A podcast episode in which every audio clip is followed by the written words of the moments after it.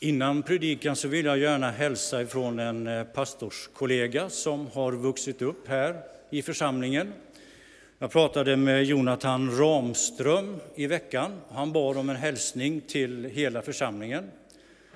Han är uppe i Värmland där jag först såg dagens ljus. Så jag har ju lite känslor. Dels för honom, det han gör och den bygden som han har hamnat i. Och så tänkte jag på Samuel i templet, en, en liten parentes. Tala Herre, din tjänare hör. Det blev ju en eh, annan variant när en inspirerad pastor skulle utlägga det här. Tjänare Herre, din talare hör. Det är ju ganska bra. Och det är ju inte fel heller på sätt och vis. Att man har en, eh, en, en skön samtalston med varandra. Under sensommaren har texter och tema handlat mycket om etik, moral och relationer. Och det är ju inget fel med det. Men ibland så kan man kanske få en lätt överdos av det. Så därför har jag tänkt så här. Vi har valt ett annat tema. Och eh, söndagen före domsöndagen som det är idag och eh, domsöndagen, det tangerar ju varann. Så att jag lämnar de texterna till nästa söndag. Och jag har till och med valt en brevtext för en helt annan söndag. Och vi kommer att röra oss i Apostlagärningarna. Jag brukar säga till konfirmanderna, eller brukade säga till konfirmanderna, att det är den största actionrullen som finns i Bibeln. Och vi använder ju inte så ofta eh, Apostlagärningarna men idag ska vi göra en resa i tid och rum. Vi ska försöka urskilja Guds röst i det allt starkare brus som omger oss människor. Hörrni, varför verkar det som att Guds röst fanns i klartext väldigt mycket mer på Bibelns tid än vad vi kanske uppfattar idag? Varför kan man aldrig vara riktigt säker på att det är Gud som talar? Alltså det är en fråga som många har ställt sig genom åren, och också nu. Och jag tror även i framtiden. Är det mina egna önsketänkanden som kommer fram, eller vad är det för någonting? Och nu börjar resan. Andas ut, tagga ner, nollställ dig och Låt dig förbehållslöst föras ut på det här stora äventyret. Filippos får vara vår reseledare. Men en Herrens ängel visade sig för Filippos och sa till honom Gå ut på vägen som går från Jerusalem genom Gazaöknen och som ligger öde och se till att du kommer dit mitt på dagen. Han gjorde det, och där på vägen kom ingen mindre än Etiopiens finansminister, en man med stort inflytande hos Kandake, den etiopiske drottningen. Han hade rest till Jerusalem för att be i templet, och nu var han på väg tillbaka i sin vagn och satt och läste högt ur profeten Jesaja bok. Den helige Ande sa till Filippos, gå fram till vagnen och gå bredvid den. Filippos rusade fram och hörde vad mannen läste och frågade, förstår du vad du läser? Hur skulle jag kunna göra det när det inte finns någon som undervisar mig, svarade mannen.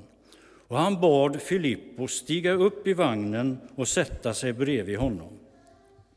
Och det ställe i skriften som han läste var detta, och nu förkortar jag det lite. Han leddes bort som ett får för att slaktas och var som ett lamm som är tyst inför den som klipper det. Så öppnade han inte sin mun. Och mannen frågade Filippos, talade Jesaja om sig själv eller om någon annan? Filippos började då med utgångspunkt från detta profetord att predika de goda nyheterna om Jesus Kristus. Medan de reste vägen fram kom de till en vattendamm. Då sa mannen, titta där, där finns vatten. Skulle jag inte kunna bli döpt här? Visst kan du det, svarade Filippos, om du tror av hela ditt hjärta. Och mannen svarade, jag tror att Jesus Kristus är Guds son. Han stannade vagnen och tillsammans steg de ner i vattnet och Filippos döpte honom. När de kom upp ur vattnet förde Herrens ande bort Filippos och mannen såg honom aldrig mer.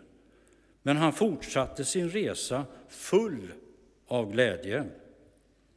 Filippos sågs därefter i Ashdod och i stad efter stad på vägen till Caesarea förkunnade han de goda nyheterna.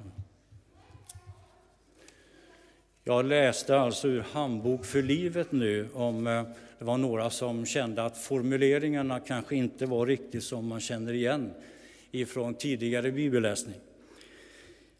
Den här tjänstemannen, och oftast var de här tjänstemännen, de var kastrerade. Så de hade därmed lite ljusare röst än genomsnittet. Men de kunde helhjärtat då ägna sig åt sin tjänst egentligen utan att ta hänsyn till familj och sånt. Katolska kyrkan har ju celibatet. Eh, och ni kanske kommer ihåg, för rätt många år sedan så gick det en serie som hette, hette Törnfåglarna, efter en bok. Hur många har följde med den, tror Ganska många. Det var ju kardinalen där, han kunde inte hålla sitt löfte, och det kan man kanske förstå. Det verkar som att det här som eh, de här tjänstemännen råkade ut för var nog betydligt effektivare. Finansministern var tydligen tjänstledig för att tillbe i Jerusalem. Det var väldigt generöst av hans arbetsgivare. Och så var han på väg hem. Och han var nog en av de här som man skulle kunna säga eh, var en sökare. Han fruktade Gud, brukar man ibland säga. Han hade folk med sig i vagnen, det är jag ganska säker på, som servade honom med både det ena och det andra, med att köra och med måltider. Och sen sitter han där och läser den här bokrullen, förmodligen inköpt i Jerusalem. Rullarna var sällsynta och svindyra. Och att läsa högt, det inkluderar väldigt många sinnen. Eh, det praktiserade även Abraham Lincoln betydligt senare i historien. Men den här killen, jag tror att han satt och läste och så bad han samtidigt. Han ville gärna förstå och ta till sig texten och tilltalet. Det fanns ett behov. Han behövde vägledning. Och hjälpen är ju betydligt närmare än han tror. En Herrens ängel instruerar Filippos vad han ska göra. Och det är ganska detaljerat. Och Filippos drog iväg med en gång. Det var inget Alfons Åbergskt över honom. Nej, jag ska bara äta frukost först. Jag ska bara handla. Eh, jag ska gå på gymmet.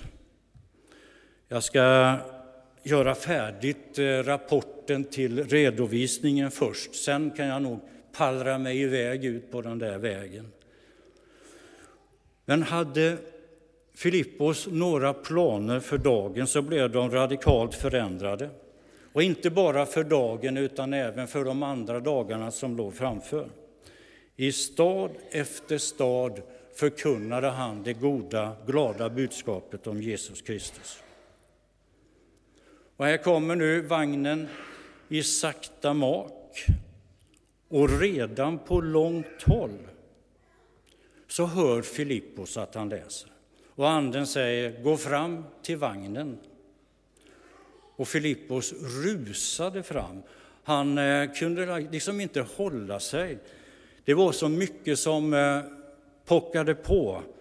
Han inväntade inte ytterligare instruktioner utan eh, han skjuter från höften, skulle man kunna säga. Han går direkt fram. Och sen är samtalet igång. Förstår du vad du läser? Och här tror jag att vi har embryot till den första alfaträffen någonsin. Han får alltså undervisning där han sitter på, eh, på vagnen. Han får ställa sina frågor. Det blir en livgivande dialog. Och en inspirerad Filippos förmedlar evangeliet om Jesus Kristus. Det enda som saknas här, det är god mat, trevlig servering och så. Men jag tror att det kanske kommer lite senare på, på resan, så jag tror inte han blir utan det heller. Om vi var och en skulle byta plats med Filippos och sätta oss bredvid eh, den här hovmannen. Vad skulle vi berätta om vår tro, om Jesus Kristus? Hur skulle vi börja det samtalet? För det finns ju ett behov. Kanske skulle du och jag börja med Johannes 3 och 16, att Gud älskade världen så mycket att han sände sin son. Och berätta om hur Jesus mötte oss olika människor. Kvinnan vid brunnen, som ju hade smugit dit i middagshettan därför att hon eh, var, hon var skrämd över vad folk tyckte och tänkte och hur folk hånade henne för den hon var.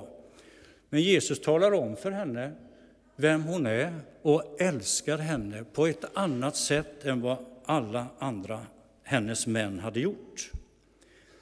Kanske skulle vi ta bergspredikan i komprimerad form. Det här med att göra det lilla extra, att gå två mil istället för en, att samla glödande kol på människornas huvud genom att göra det där oväntade. Löna gott istället.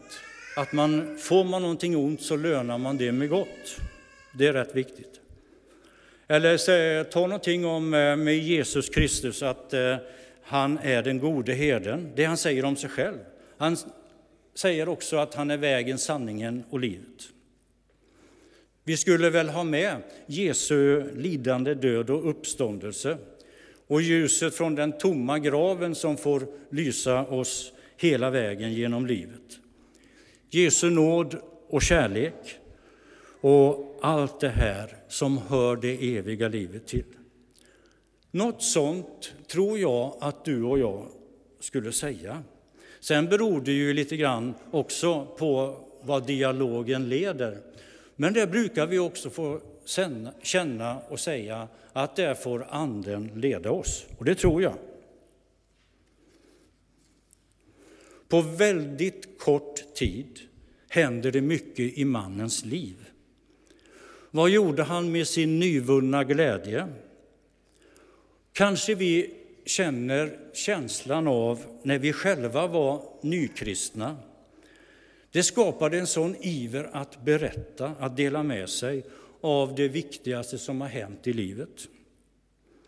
Och möjligtvis är det så att den här evangelisationskänslan tunnas ut med åren.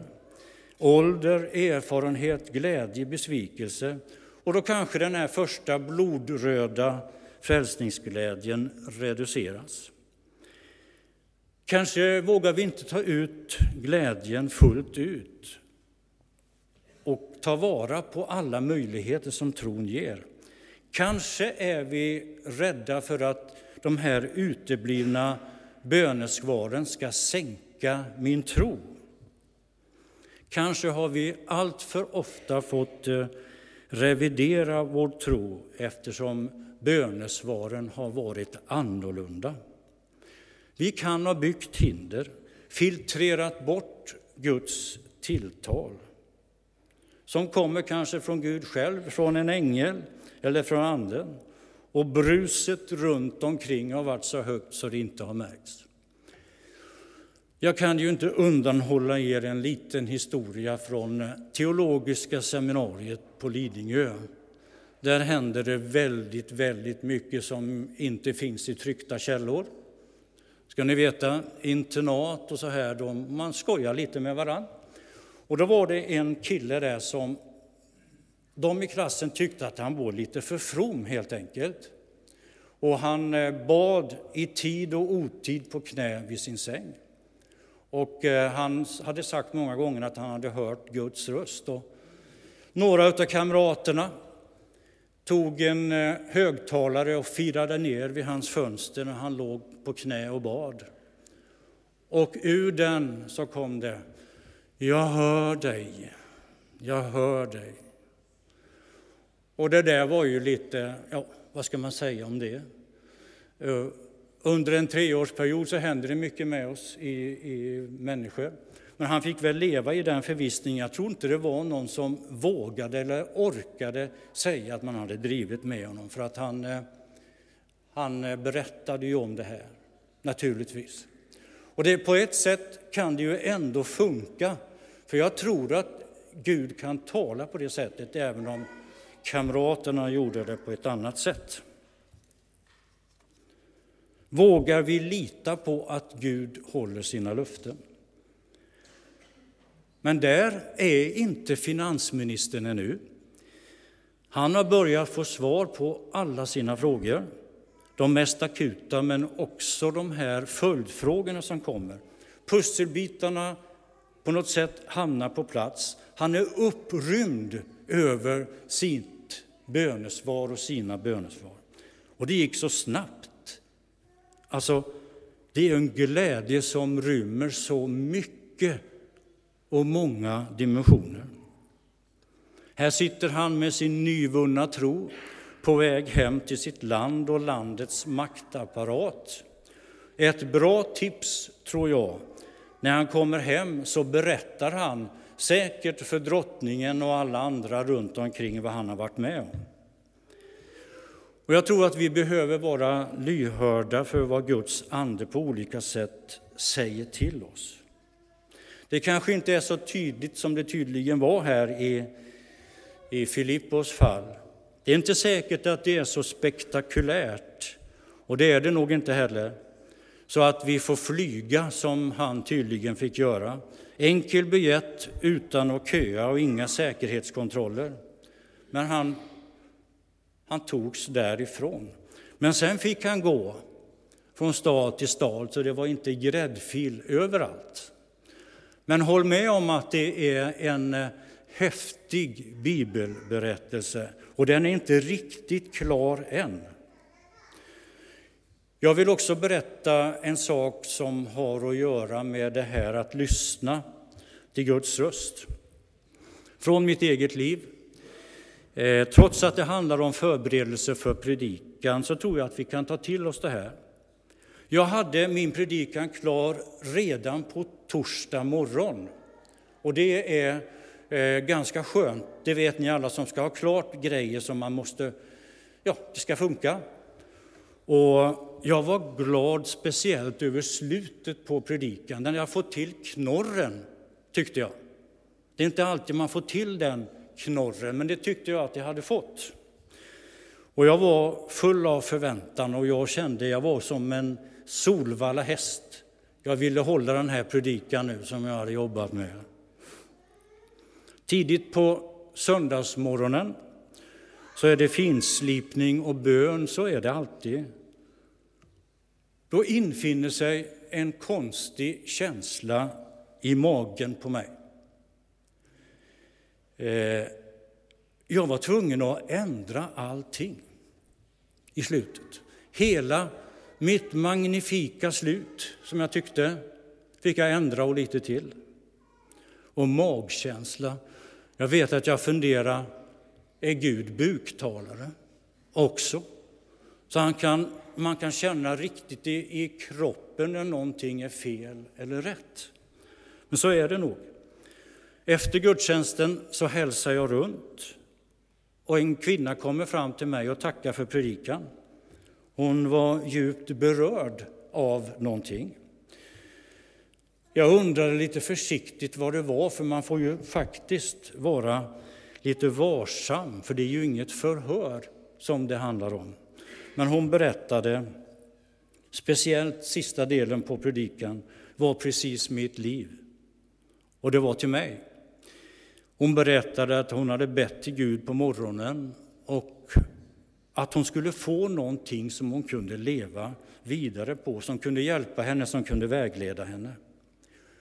Och hjälpen var ju närmare henne, både i tid och rum, än vad hon kunde föreställa sig. Tänk vad skönt att det ändrades just för hennes skull. För finansministern och Filippos återstår det en viktig bit. Det fanns särskilt, inte särskilt många dammar på den här vägen. Utan, eh, ja, dammigt var det nog, men dammar var det inte många.